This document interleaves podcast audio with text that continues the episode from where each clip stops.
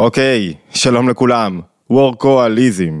כולנו יודעים במה מדובר. המחשבות שלי, הדיבורים שלי, המעשים שלי, סובבים כל הזמן כמעט סביב העבודה. אני מבלה עם אשתי בחופשה, אני חושב על העבודה. אני עם הילדים בעבודה. איזה יופי, איזה יופי שיחקת, איזה יופי עשית, איזה יופי הציור. איפה הראש שלי? בעבודה. אני יוצא איתם לגן המשחקים, הראש שלי בעבודה. זאת אומרת, כל המחשבות שלי סובבות סביב העבודה.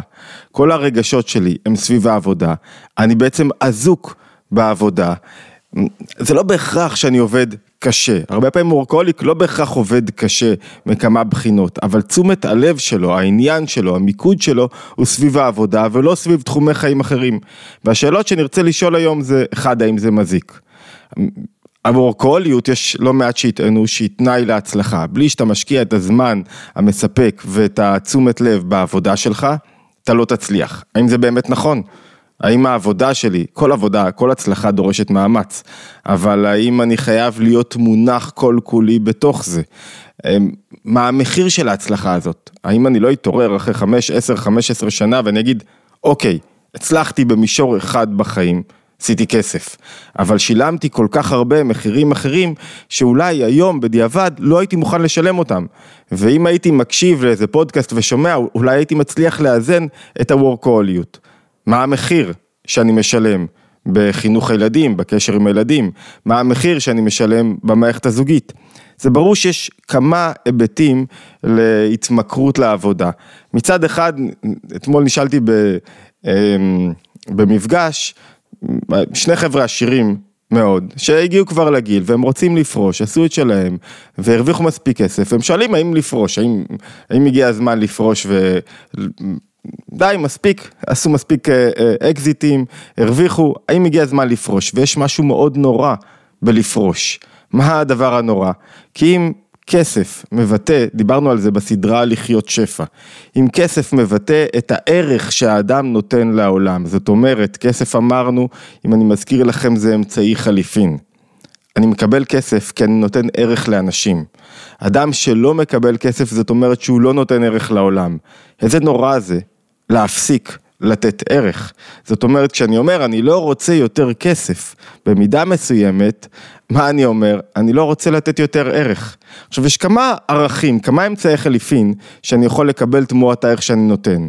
כבוד, אהבה, זמן, אבל אם אני רוצה, אם אני אומר, טוב, אני מפסיק לעשות את מה שאני עושה, שזה עסקים, למה? כי יש לי מספיק ואני רוצה עכשיו לשכב על, על חוף הים מגיל 60 עד גיל 80. אז איפה הערך שאתה מביא לעולם?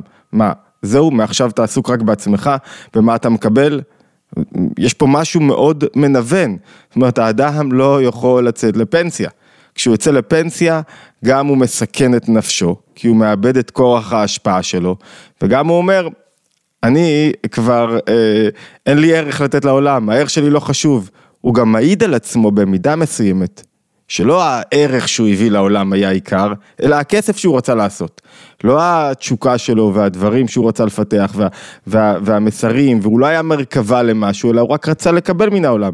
לכן אי אפשר באמת לצאת לפנסיה במובן של זהו, עכשיו אני לא מגלה את הערך שלי. מצד שני, זה צד אחד, זה זווית ראייה מצומצמת, אחת. מצד שני, ברור לנו בטח על פי אמות מידה יהודיות, שאדם שהוא רק רוצה כסף, או שכסף מניע אותו, יש פה בעיה חמורה מאוד, כי הוא מונח בעולם גשמי, בעולם חיצוני. יותר מזה, הפגיעה של וורקואליזם במערכות הזוגיות.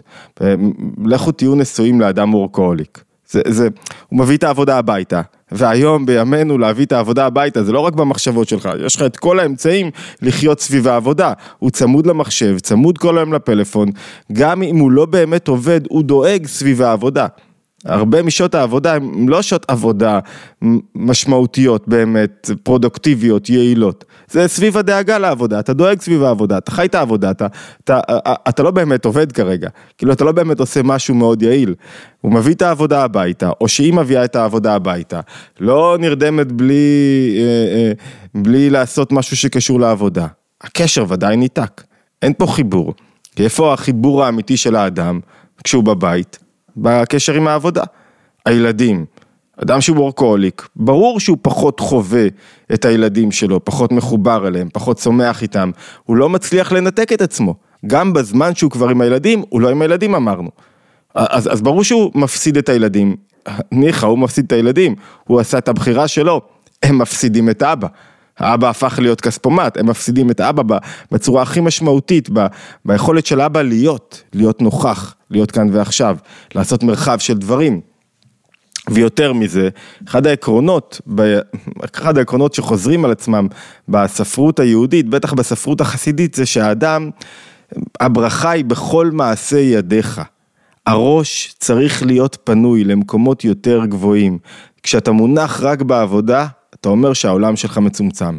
אם אתה עושה רק סטארט-אפ מסוים, מה אתה אומר? שאתה לא, הראש שלך לא מסתכל על זוויות ראייה רחבות, על המציאות, על, על, על, על אמונה, על מגוון של דברים. אתה רק בבית מסוים בסטארט-אפ, בבית מסוים של אופן פעולה. זאת אומרת, את כל כולך מכור למקום אחד. זאת אומרת שהראש שלך שם, אתה לא באמת מתפתח, אתה לא באמת צומח, אתה לא באמת מצליח ל- לראות עוד זוויות ראייה, להתרחב, להיות אדם משכיל, אדם צומח, אדם מחובר לעוד דברים, אדם שיש לו רבגניות בנפש, אלא אדם חד-ממדי. זאת אומרת, יש לנו פה, הצבנו שני, שני היבטים מרכזיים. מצד אחד, הצלחה, אבל לא הצלחה כדבר חיצוני, אלא הצלחה באמת, גילוי הערך שלי. וכדי לגלות את הערך שלי אני חייב להשקיע המון זמן, מאמץ, אנרגיות במה שאני עושה. וזה חייב לשאוב אותי ואני חייב להיות מונח. כתוב עוסק בתורה. כאילו אחד הרצונות מתלמידי ישיבה למשל, שהם יהיו כמו אנשי עסקים, או מאדם שלומד, שהוא יהיה כמו איש עסקים, מה זאת אומרת? שזה מטריד אותו, שזה מעסיק אותו, שהוא חי את זה. אתה לא לומד בתורה כתוב, אלא עוסק בתורה. כתוב גם לומד, אבל בעיקרון מה זה עוסק? שזה העסק שלך. כשמשהו העסק שלי, הוא, אני חי אותו, אני נושם אותו, אבל יש כחוט השערה בין עוסק בתורה, בין עוסק בעסק שלי, לבין וורקוהוליק שאני כבר, זה העניין שאוחז אותי ואני לא מצליח לעשות שום דבר אחר. וכדי להבין מתי זה מזיק וורקוהוליזם, ואם כן, איך מאזנים, ואיך יוצרים חיים מלאים יותר, צריך לעבור על המניעים. של וורקוליות, מה, מה גורם לי להיות וורקוליק, ומתוך ההבנת המניעים, להבין מה אני צריך להוסיף לתוך המציאות שלי, לתוך העבודה הפנימית שלי, כדי ליצור איזון לוורקוליות. ולפעמים האיזון, לפעמים מישהו, ההבדל הוא לא בשעות עבודה שלו, אלא בתשומת לב שלו, שהוא מסוגל לספק תשומת לב למגוון של דברים. לפעמים אדם עובד, ואמרנו קודם, הוא עובד שעות עבודה מסוימות, אבל הנפש שלו כל כך קשורה בעבודה שלו, ואם הוא לא ישחרר אותה, הוא חווה חוויית, חוויית של מסכנות, כי הוא לא מצליח לחוות עוד דברים. הוא אזוק בעצם במשהו אחד. וחלק מהשחרור הזה זה חלק מלהיות אדם בעל יותר, בעל תנועת התפארת, בעל יותר זוויות, בעל יותר רב גוני, רב צבעים. ערבוב צבעים יוצר יופי, יוצר תפארת.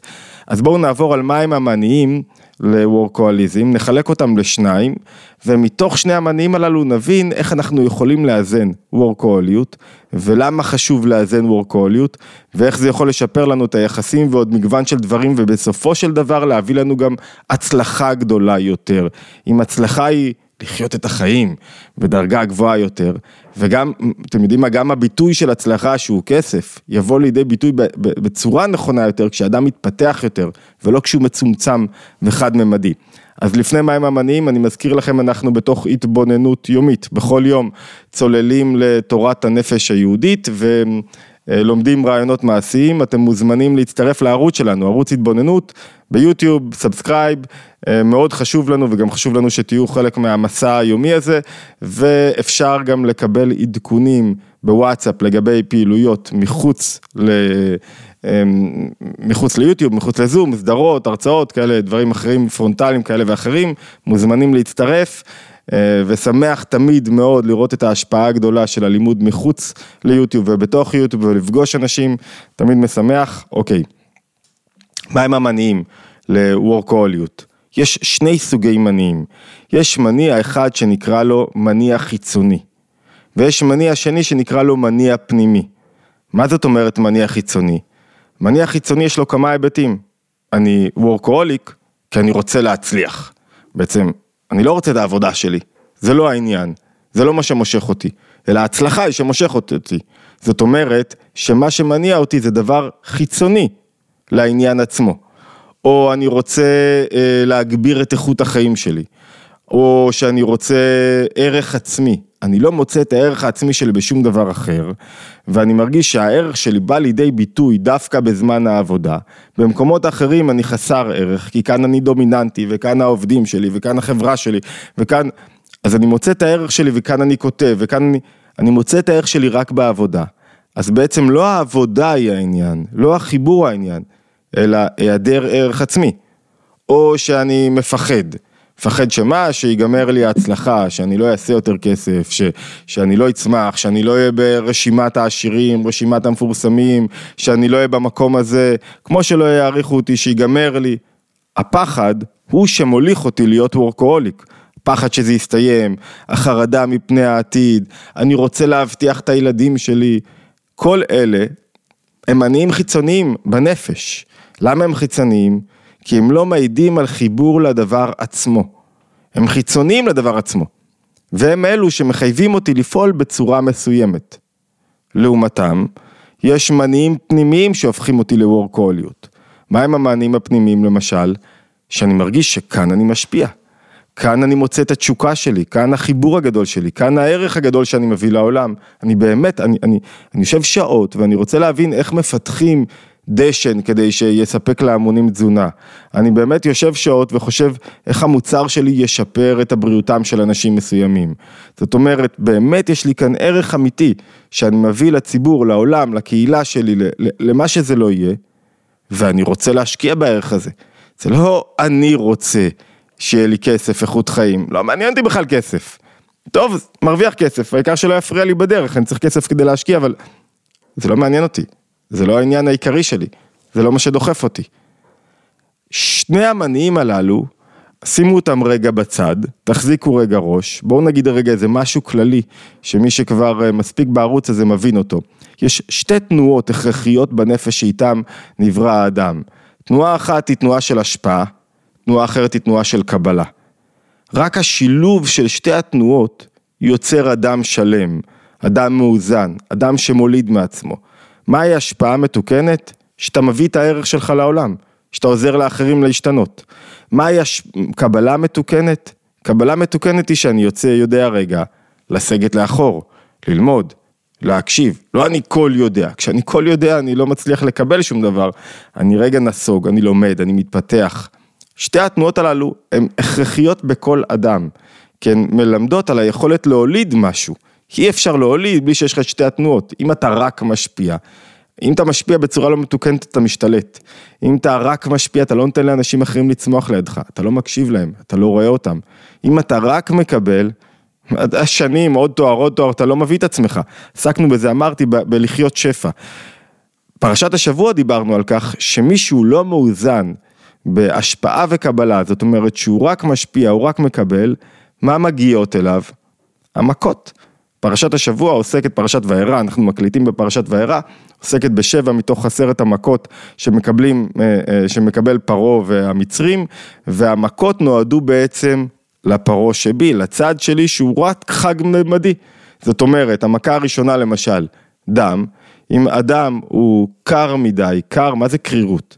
קרירות זה המקום שבו אני לא מגלה את ההשפעה שלי, שאני לא מגלה את הערך שיש לי להביא לעולם.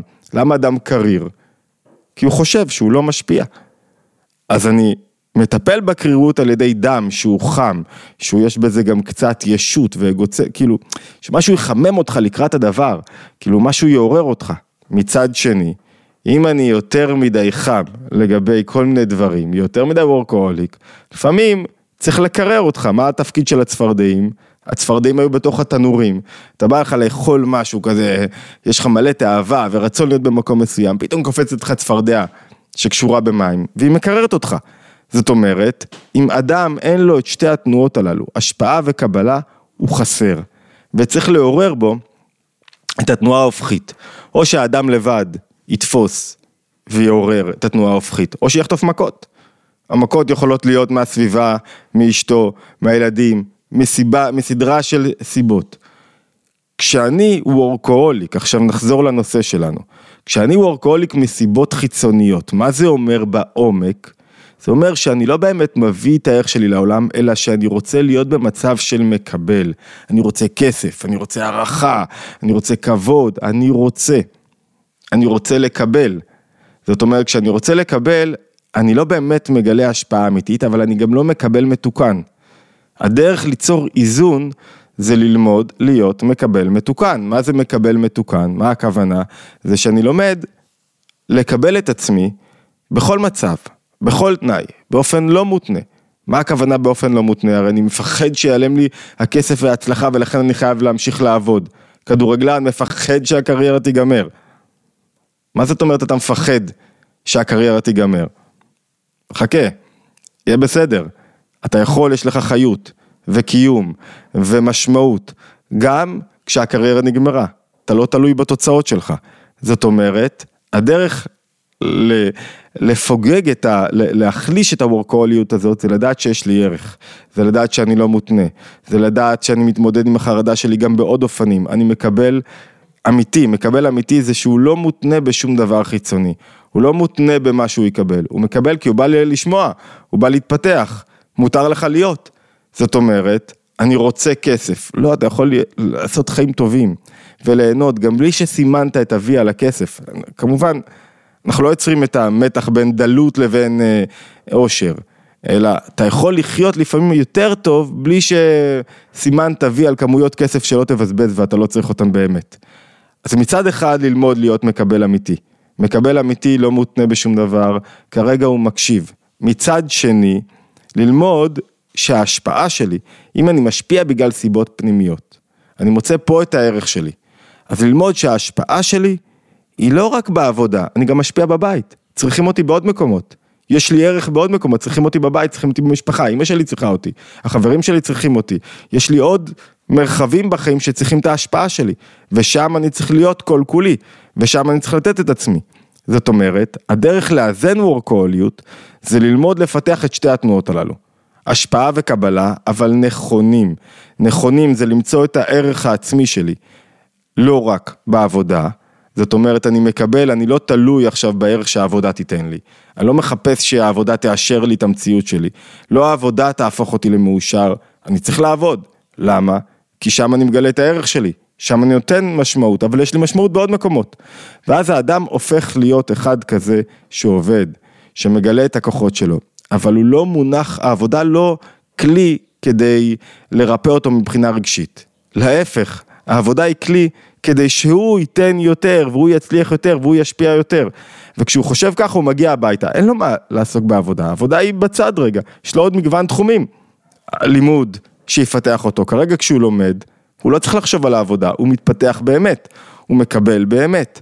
כי הוא, כי הוא עכשיו לומד, עכשיו הוא עם הילדים, הוא עכשיו משפיע, לא רק בעבודה, עם הילדים, כי הילדים צריכים אותו. כי יש לו מה לתת, כי הוא צריך להיות פה אבא, כי יש לו תפקיד. אבא לא יכול להיות וורקוליק בו זמנית, זה לא עובד ביחד. אתה אבא ווורקוליק, גם אם אתה עם ילדים אתה לא רואה אותם. כל המבחן של הילדים זה ביחס לעבודה שהם עשו וביחס להישגים שלהם. אתה צריך לראות את הילדים. זאת אומרת, אמרנו שהמבחן הוא לא כמה שעות אתה עובד, אלא איפה הנפש מונחת, מה נקודת הייחוס שלך. והדרך להתגבר על וורקוליות שלא, לפעמים דווקא כשאדם מצליח הוא אומר לעצמו אני חייב להמשיך להיות שם. לא, אתה חייב ללמוד לחיות נכון. לחיות נכון, חלק ממנו זה להיות אדם שמסוגל להביא את הערך שלו לעולם, מצד שני הוא יודע שהערך שלו לא מצוי רק בעבודה. מצד שלישי הוא לא מחפש, זה הצד של המניע החיצוני, הוא לא מחפש שהעבודה תאשר אותו, או תיתן לו ערך. כי אם הוא מחפש שהערך שלו ייבנה על ידי העבודה, הוא לא באמת משפיע, הוא במוטיבציה של לקבל, של לנוק. וכשהוא מצליח ליצור איזון אז גם מערכות היחסים מאוזנות, כי גם בהם יש קבלה, וההשפעה בכל דבר, כשאני מקבל, אני מקשיב לאשתי, אני נסוג, אני שומע אותה, אני נותן לה מקום, כשאני משפיע, אני עכשיו נותן פה ערך, משמעות, מביא את עצמי, מביא את עצמי לתוך המפגש, מביא את עצמי לתוך מערכת היחסים, השפעה וקבלה. מזכיר לכולם התבוננות יומית. מאוד שמח כשאתם מצטרפים לערוץ, מאוד חשוב, אה, וזה עוזר לנו גם אה, להיות בקשר ולכם לעקוב אחר הסרטונים, וכמובן להצטרף לקבוצות הוואטסאפ, מוזמנים להשתמע בהתבוננות היומית הבאה.